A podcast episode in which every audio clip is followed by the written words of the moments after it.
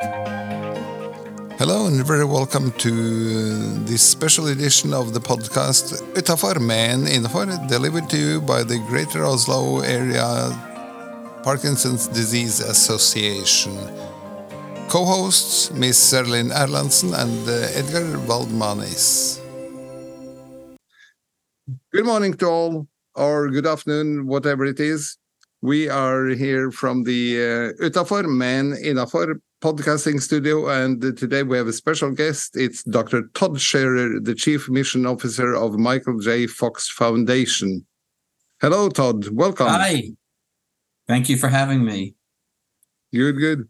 Um, busy people have tight schedules, so we'll jump straight in.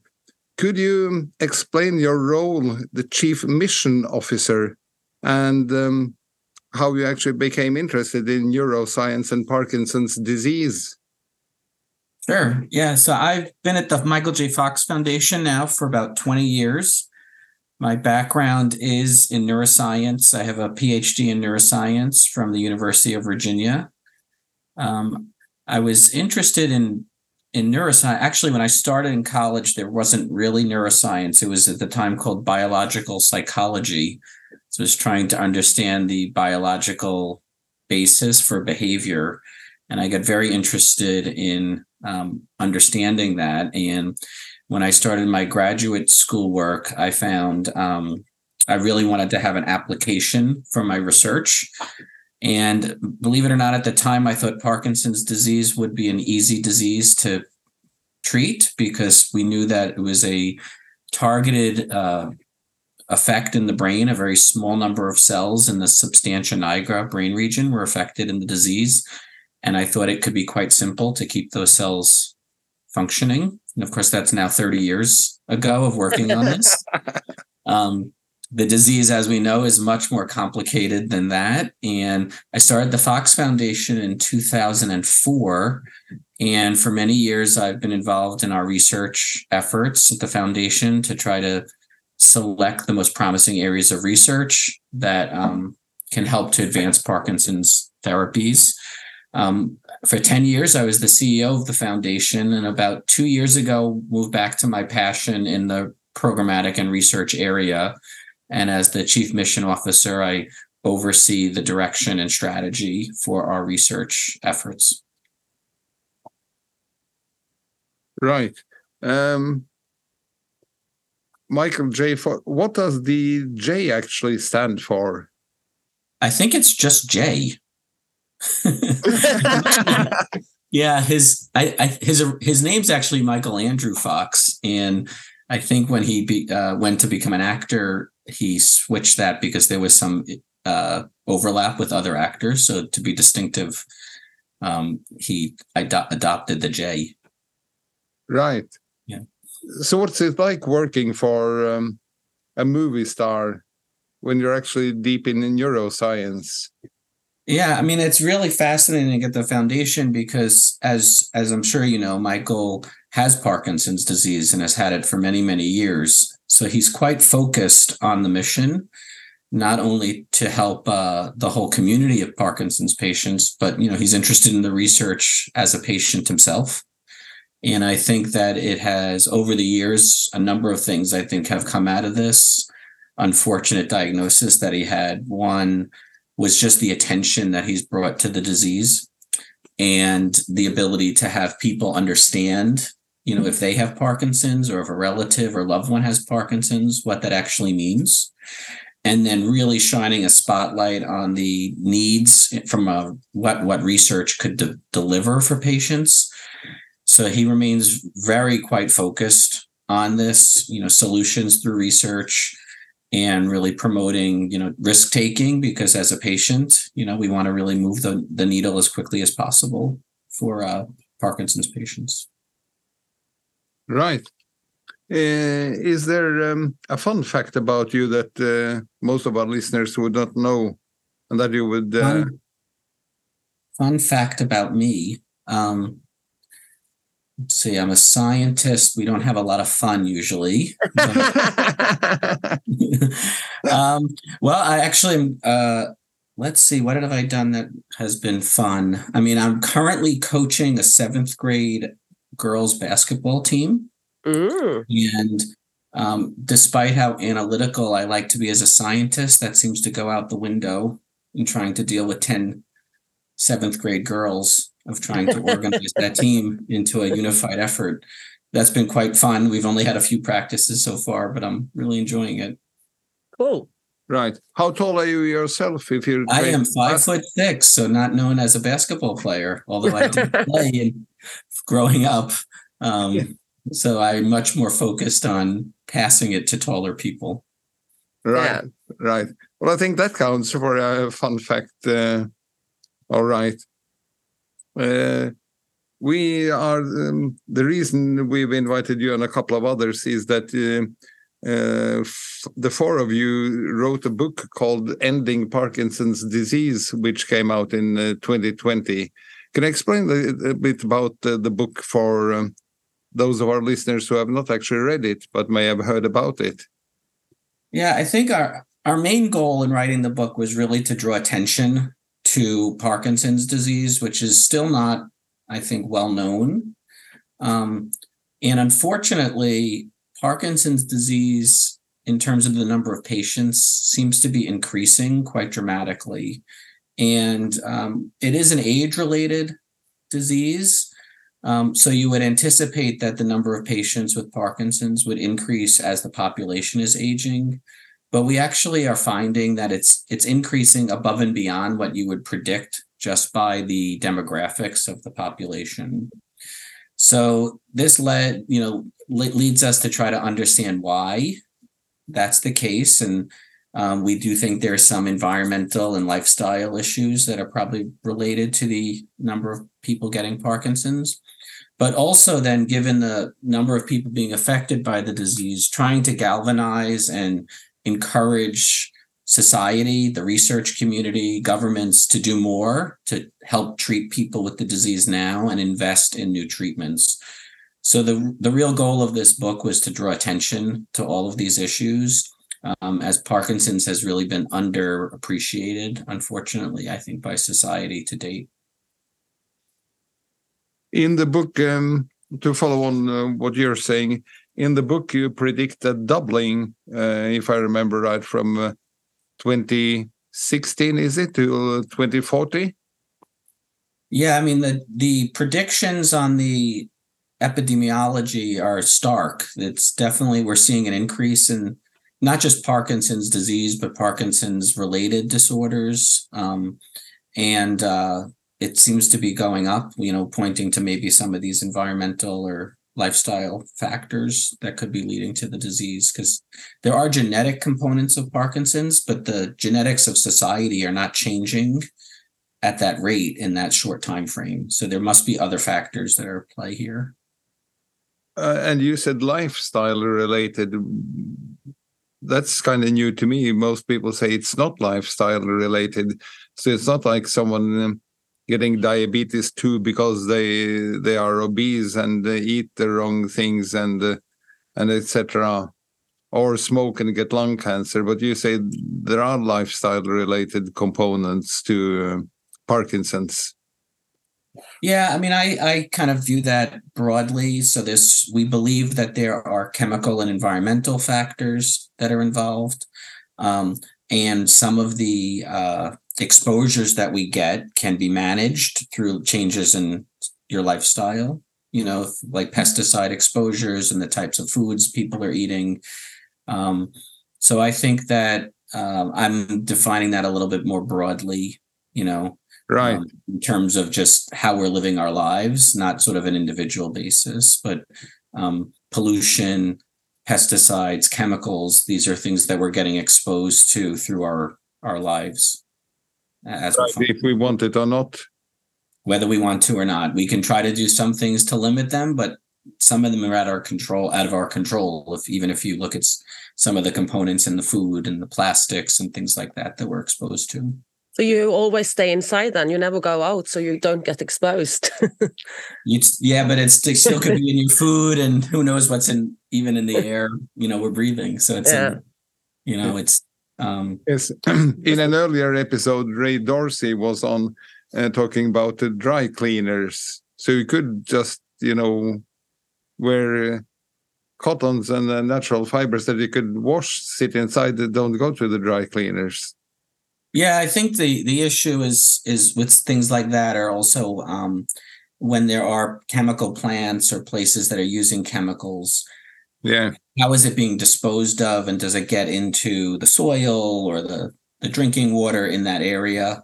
Hmm. Um, what where it becomes you know difficult to avoid it yeah, if you're living near the. It's one thing, obviously, if you're working directly with the material, trying to be as careful as you possibly can to limit your exposures. But I think um, some of these chemicals have become so pervasive in the environment that we need to take more dramatic actions to try to limit their um, exposures to people. Mm. So, what was your role as a co-author of the book? I focused mostly on the research um, component. So when I was in the laboratory, I actually studied the effects of pesticides on the nervous system. So some of the research I was involved in looked at a um, chemical known as rotenone, which is used um, is a in, in agriculture, and the effects in animals of that chemical and how it could lead to Parkinson's-like features in the animals and particularly targeting the brain systems that are affected in the disease. So I focused a lot on, you know, the, some of the research evidence and then future directions where the research should be going. Mm. Right. Uh, could you tell our listeners about what excites you about the latest Parkinson's research? Yeah, actually, we are, I think, seeing the um, a lot of momentum right now in Parkinson's research. So it's been about um, 10 to 20 years since the first genetic components of Parkinson's were discovered. And what's interesting and, and exciting about that is that it pinpointed some very specific biological pathways that we could target for, for therapies. Um, and it's been found that some of those same pathways are involved in individuals who have the mutate, you know, have these genetic components of Parkinson's, but also those that do not. So there's some commonalities of pathways. And a lot of that research has now led to new treatments that are being tested in clinical trials. So th- what's exciting and important about this is that we might be targeting the actual underlying disease process. Um, so Parkinson's as a progressive disease, most of the current treatments can manage the symptoms, but the underlying disease continues to progress. So it's quite exciting that we now have a portfolio of different types of therapies that are being tested to target the underlying disease. So I think that would be um, obviously a huge breakthrough if we could slow the progression or, or even forestall the progression. Yeah. And one one of the other things that's come out quite recently, which is really exciting, is the ability to now identify people where the um, disease biology is active before any symptoms have become um, pre- present. So we we've hypothesized for years that the um, biological changes related to Parkinson's predate the onset of symptoms for quite some time. It's not that you wake up one day and have Parkinson's. Something has been going on in the individual's body for some time, and their body has been able to kind of compensate for that until you see the first motor symptoms. And we now have the ability with some new testing to find people at that stage of disease where the, the disease process is happening, but they're yet to have any symptoms. And this would be quite exciting if we could now target and intervene at that stage and even forestall the onset of symptoms. So that's something that's probably just come out in the last couple of years. But there's now been a number of scientific conferences that have started to plan for what they would call a prevention study, which is to find people where the disease process has started, but they're yet to have symptoms. And you might be able to intervene at that stage. And that would be really, really obviously important for people, you know, who have that underlying disease.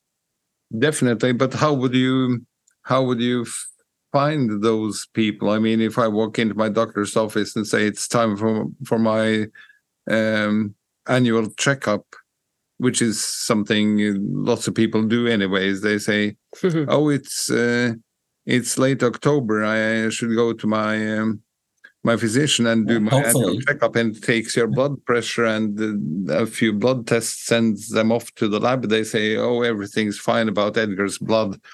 Uh, uh, all the vitamins, uh, cholesterol is okay, everything check, everything check, every.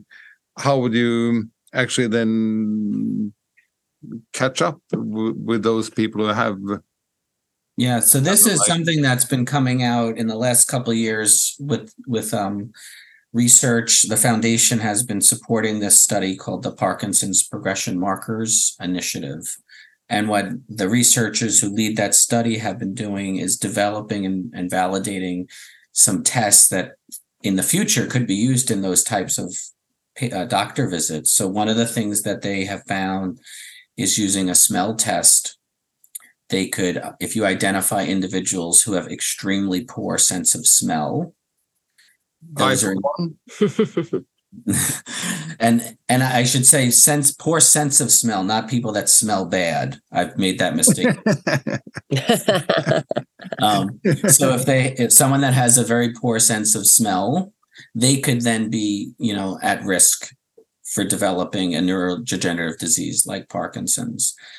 What recently has been developed is right now it's it's a test that would be done in spinal fluid, but um, is being worked on to improve is a test that could identify the presence of alpha synuclein pathology. So alpha synuclein is one of the proteins that has been um, used over the years to help diagnose Parkinson's disease in uh, the brains of individuals after they die of Parkinson's. There is now a test that could identify the um, presence of abnormal alpha synuclein in a living individual in their spinal fluid. And the third test that exists is a um, brain imaging scan that could look at dopamine activity. So we know there's reduced dopamine function in people with Parkinson's, and there's a brain uh, imaging test that could look at dopamine. So right now, this these are the three kind of tiers of testing that could be done to identify these individuals. If you have a loss of sense of smell, you have evidence of dopamine loss or function loss, and the presence of alpha synuclein. Um, we have more work to do to improve these tests where they could be utilized, as Edgar was suggesting, in an, an average doctor's visit. But right now, they are able to be done in more of a research study, you know, at a clinical center. So this is moving forward, and these tests are important because it's been so hard to diagnose Parkinson's over the years. So it's having more, you know, objective laboratory tests or imaging tests will really be critical to advancing the field. And then, the, if you could uh, apply these to my annual doctor's visit, then there could possibly also find a cure or something to to at yeah, least. That, that would be the the goal. Would be uh, ideally if you know we project out into the future. Um, you could first you would be able to run clinical test trials in people at this stage you know where they've been identified at having the biology but no symptoms and ultimately then if if some if a treatment was successful you could start prophylactically treating people mm. at that stage to forestall the onset of the symptoms and you know that's you were mentioning other diseases i mean that's what has been successful for like cardiovascular disease, where if they see that you have high blood pressure, they can try start to treat you before you have the cardiac event. You know, they just treat you based on that laboratory test that's done at the at the office. So that's the model we're looking to try to apply to Parkinson's. Of course, Parkinson's it's quite complex in terms of the disease to to identify these these tests and, and the treatments. Hmm. Right. Uh, so that is actually the uh, the way forward for the next five to ten years of uh, Parkinson's research. I think this is a big, big component. These tests are also being applied to the Parkinson's people who already have the motor symptoms or have been diagnosed with Parkinson's, because the other thing that's a real area for going forward is that we've always um, seen that Parkinson's can be quite variable. Some people, for example, have slow progression. Some people seem to have more rapid progression. The the um, components or the, the, the whole holistic components of the symptoms can vary across patients. Um, and now we're having more success in trying to link that variability to actual differences in the biology. And then you can have more targeted treatments to those individuals so that you have a greater chance of success. So if you could segment that population and have patients that are more similar and test them it's a greater chance of success of your treatment. Excellent. Uh, how could um, how could uh, patients and families get involved with the Michael J. Fox Foundation? So the best way to start would probably be to go to the website for the foundation. Um, the foundation offers a lot of educational information about the disease. There are also um, frequent webinars that talk about different components of the disease, both the research, living with Parkinson's. Um, so I think that would be a great uh, initial component. The other thing the foundation does do is have some tools on our website for it, people that are interested in getting involved in research. The only way we can answer some of these questions about Parkinson's is really from people who have Parkinson's. Um, when I was in the lab, I could do all I want with test tubes and with animals, but it needs to link to what's actually happening in the disease. And the only people that know what's happening in the disease really are the people with Parkinson's or those who care for them. So there are tools within on the website for trying to find what research is going on you know, in your country or in your location so that you can try to get involved there as well. And actually, some of the research you could do online. You don't even have to go anywhere. You could just fill out surveys and questionnaires so that we can understand more what is it like to live with Parkinson's? What is bothering people the most? What should we be targeting the research towards? What aspects of the disease need to be improved? Right. Um, I think it's correct that uh, one of our researchers, Dr. Charalampos Tzoulis, uh, kind of difficult name there. Uh, he's actually Greek, but living in Norway for a number of years now. Uh, some of his research is sponsored by the Michael J. Fox Foundation. How could other researchers um, achieve the same? I'm being yeah, selfish now on behalf of all the Norwegian research community. Yeah, so we have um, a couple of things. So that study I mentioned, the Parkinson's Progression Markers Initiative, has over the years had a research center in Norway that's part of that study. Um, and the foundation also has, you know, uh, we are very agnostic about who and where the breakthroughs will come from. So we have throughout the year periodic open competitions, worldwide competitions for researchers to submit their best ideas. Um, over even while though the Fox Foundation is located in the United States, over the years, over 30% of the funding has gone outside of the United States to researchers in Europe, Africa, Asia, Australia. So it's um if you have a good idea and you're a researcher, please do send it in because we're looking for um, innovation wherever it comes from. Good, good.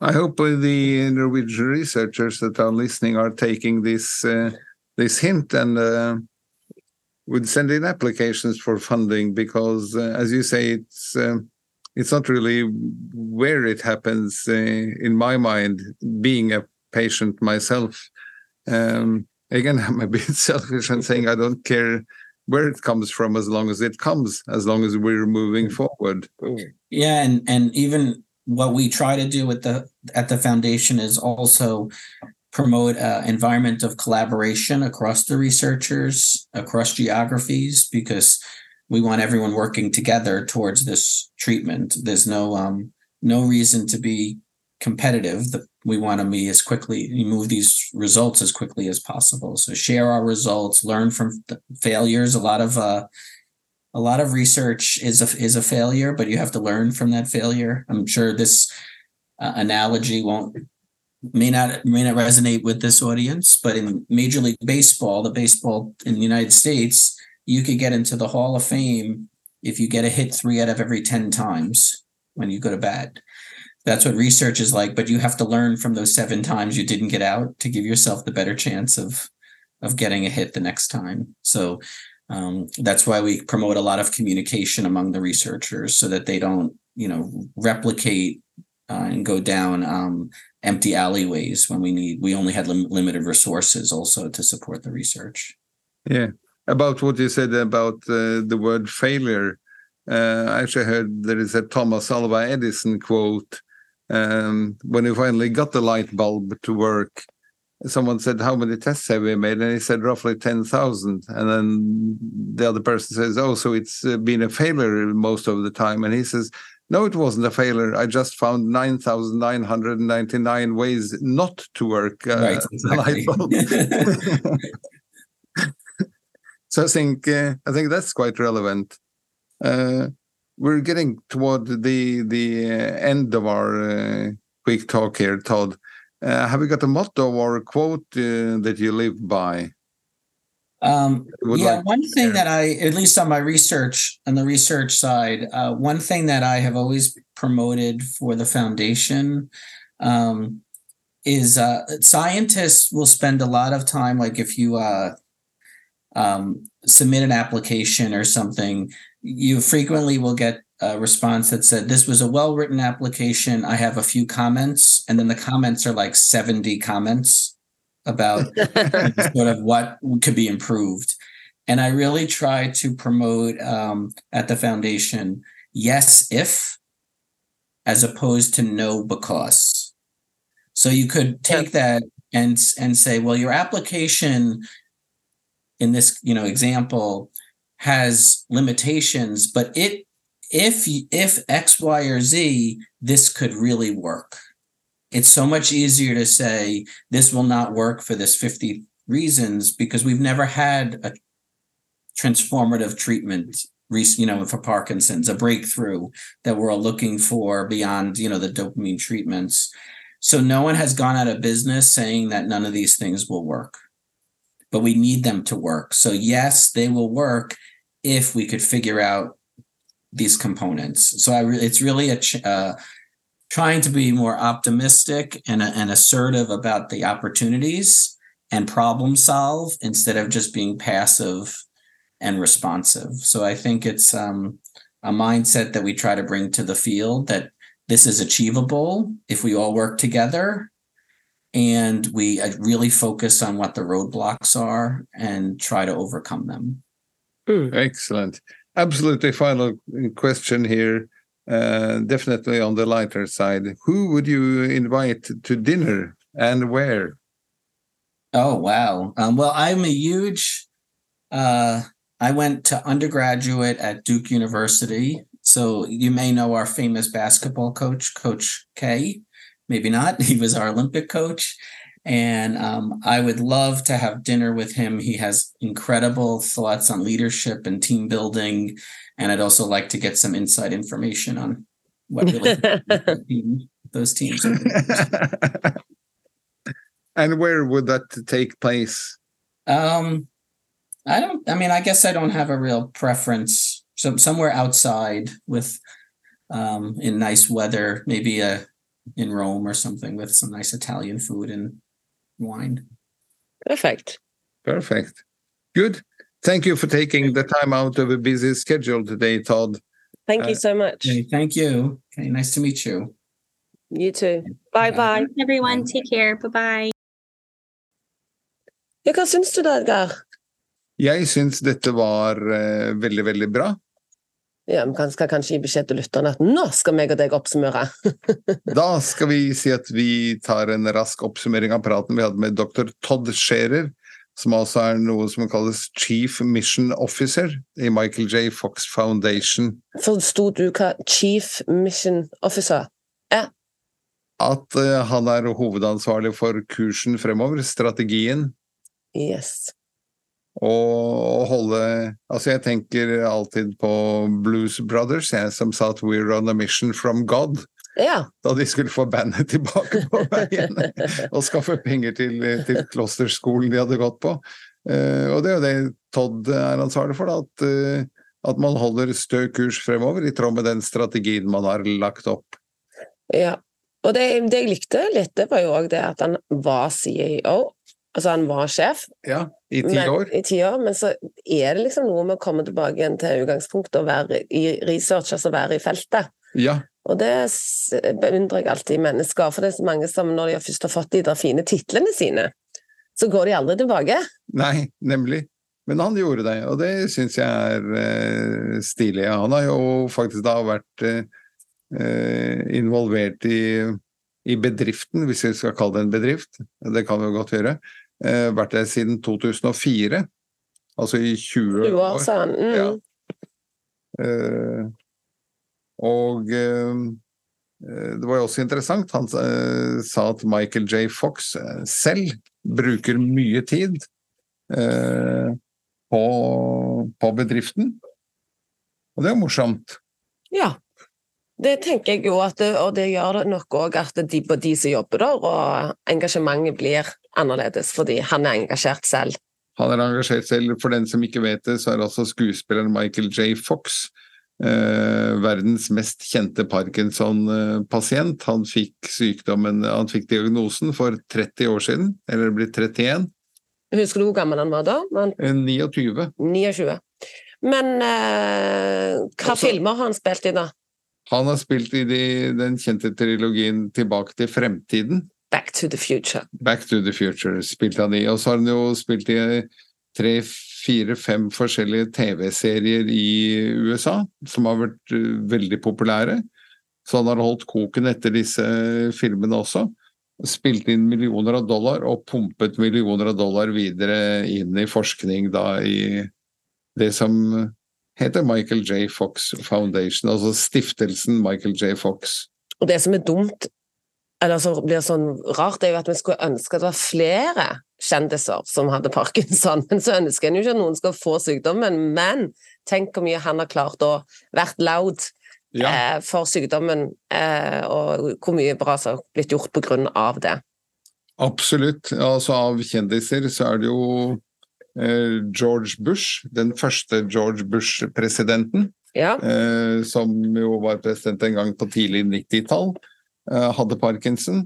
Eh, pave Johannes Paul den annen heter vel han, det er han polakken som husker som ble pave, mm. eh, hadde parkinson. Eh, sangeren Linda Ronstadt har parkinson, så det er eh, Og det, det, det finnes flere navn og nevne, men som du sier, skulle ønske at flere sto frem. Mm. I Norge kan vi jo fremsnakke Ivar Dyrhaug og eh, Gerhard Helskog, absolutt. som jo står frem og, og fronter. Ja. Nå er jo sånn at det de gjør, skaffer ikke så mange millioner dollars i kassa, så det er ikke så mange millioner dollar å gi videre. Men det har jo Michael gjort, da. Eh, tilbake til dagens gjest, Todd Scherer. eh, eh, sa at årsaken til at han er engasjert, er jo at han eh, også ser at eh, dette er en veldig hurtigvoksende sykdom, Ja, dessverre. Eh, og det må vi få oppmerksomhet om. Ja, og det, det som han da prøvde å forklare, var jo at det, hvordan vet vi at de, du ikke klarer å forutse hvor mange som kommer til å få det, men altså at de ser at den er, det vokser raskere enn de har forutsett hvis de skulle tatt det på ren statistikk, at folk blir eldre Ja, og flere får det. riktig. Men dette handler jo om at det går mye raskere, og da tar du vekk den genetiske disponenten. Så, så har de da kommet fram til miljø osv. Ja, og som han sa at eh, da du sa at det går an å bare sitte inne da, hvis miljøet er så hvis det er så mye dritt i luft og vann, og så sa han, men eh, altså den frukten, grønnsakene du spiser, du vet ikke hva slags kjemikalier man har brukt der. Det samme med dyra som går ute, Mm. og, eller for den saks skyld står på båsen, så er dyrene også utsatt for en masse kjemikalier Mm. i luft og, og vann. Og eh, når de ender opp på tallerkenen vår, så er disse kjemikaliene fortsatt med. Ja. Så ja, det var en del ting vi kunne gjøre sjøl, og sånn som når vi hadde han andre òg, så er det en del ting vi kan gjøre sjøl, men det er jo et større spørsmål. Det må jo, det må jo opp et globalt eller eh, nivå at er bedrifter det må komme inn, at bedrifter må gjøre store, store endringer i forhold til utslipp. Ja. Eh, ellers var det jo veldig interessant det han sa om at man nå eh, har eh, relativt suksessrike forsøk på gang, hvor man eh, bl.a. med benmargsvæske kan, eh, kan eh, ta ut benmargen og eh, teste for sykdommen svært tidlig, Ja. eh, før man får de vanlige symptomene. Eh, Man kan si at her er det en som er sterkt disponert for å få parkinson, Mm. og, eh, og kan sette inn motstøt eh, veldig tidlig. Mye tidligere enn vi gjør i dag. Ja, og jeg, var, jeg måtte si at jeg tenker at, jeg, at der var jeg litt dum, eller liksom For, var, eh, for meg var det sånn hvorfor når han satt og pratet, så jeg, hvorfor vil jeg vite det? Jeg har jo ikke lyst til å vite det. Altså, jeg ikke bare vente på til jeg får symptomene, da. Altså, jeg har ikke lyst til å vite fremtiden min, jeg har ikke lyst til å gå til legen og vite at jeg kan få det og det. Eh, men så er det jo akkurat sånn som du, når vi snakket om videre, da, så er det jo det med Sånn som hjerteinfarkt. Ja, eh, at du kan forebygge. Det er medisiner som du da kan forebygge, som gjør at en har en helt annen eh, sykdomsforløp. Eh, så da snudde jeg jo litt igjen. Ja. da skjønte jeg konseptet, konseptet. Hvorfor skal det inngå at det skal bli så vanlig at alle allmennleger tar det som en test, som en kolesteroltest på en årlig sjekk? Nemlig. Then I understand it. Then you understand it. Ellers så var det mm, jo et morsomt motto han eh, hadde også, Mm. eh, som jeg tenker vi kan avslutte med. Hvor han sa at eh, når de får inn søknader fra forskere rundt om, som sier at vi søker bistand, vi søker subsidiering hva, hva heter det da? Finansiering? Ja. Eh, av et forskerforløp her sånn, så kan man være positiv og si at eh, yes, dette skal vi få til hvis Mhm. ABC. Eh, I motsetning til det som veldig ofte svares, hvor man avslår søknaden sin eh, Beklager, det går ikke fordi danga, danga, dang. Mm. Så kan man være positiv og si at jøss, hvis du bare Altså Ja. endrer sånn og sånn i, i forskerprosessen, eh, endrer på disse komponentene, så skal du få finansiering fra Michael J. Fox. Men, også, og han sa jo det at det gjorde han jo òg i forhold til de som jobber på researchen. At eh, nå, alt generelt sett møt Don't kill the vibe. Jeg tror det er en sang som heter det. Svar yes if Ja, istedenfor no because. nemlig. Det tror jeg er en fin måte for alle å liksom, ha i møte med mennesker generelt sett. Mer ja, mindre nei. Eh, det er eh, mindre negativitet. Og heller forklare det etterpå. Ja. Og optimisme, som er noe av det du og jeg er opptatt av. At vi skal i podkasten vår skal vi spre humor, optimisme og livsglede. Så nå kan du begynne å tenke sånn til konen òg, istedenfor å svare nei når hun spør om noe, så sier du ja, if, hvis du vasker badet først. så bare begynn, Det, nå er det slik at uh, hun allerede vasker badet først. Ja, det var bare et sånt eksempel on the top of jeg vet at det ikke har noe med et eksempel som passer inn hos dere, men generelt sett, ja, men hvis du Og med det kan vi vel eh, avslutte oppsummeringen. Det var også dagens episode i podkasten Utafor, men innafor, hvor vi hadde dr. Todd Scherer som eh, gjest i dag. Takk for at du lytta. Yes.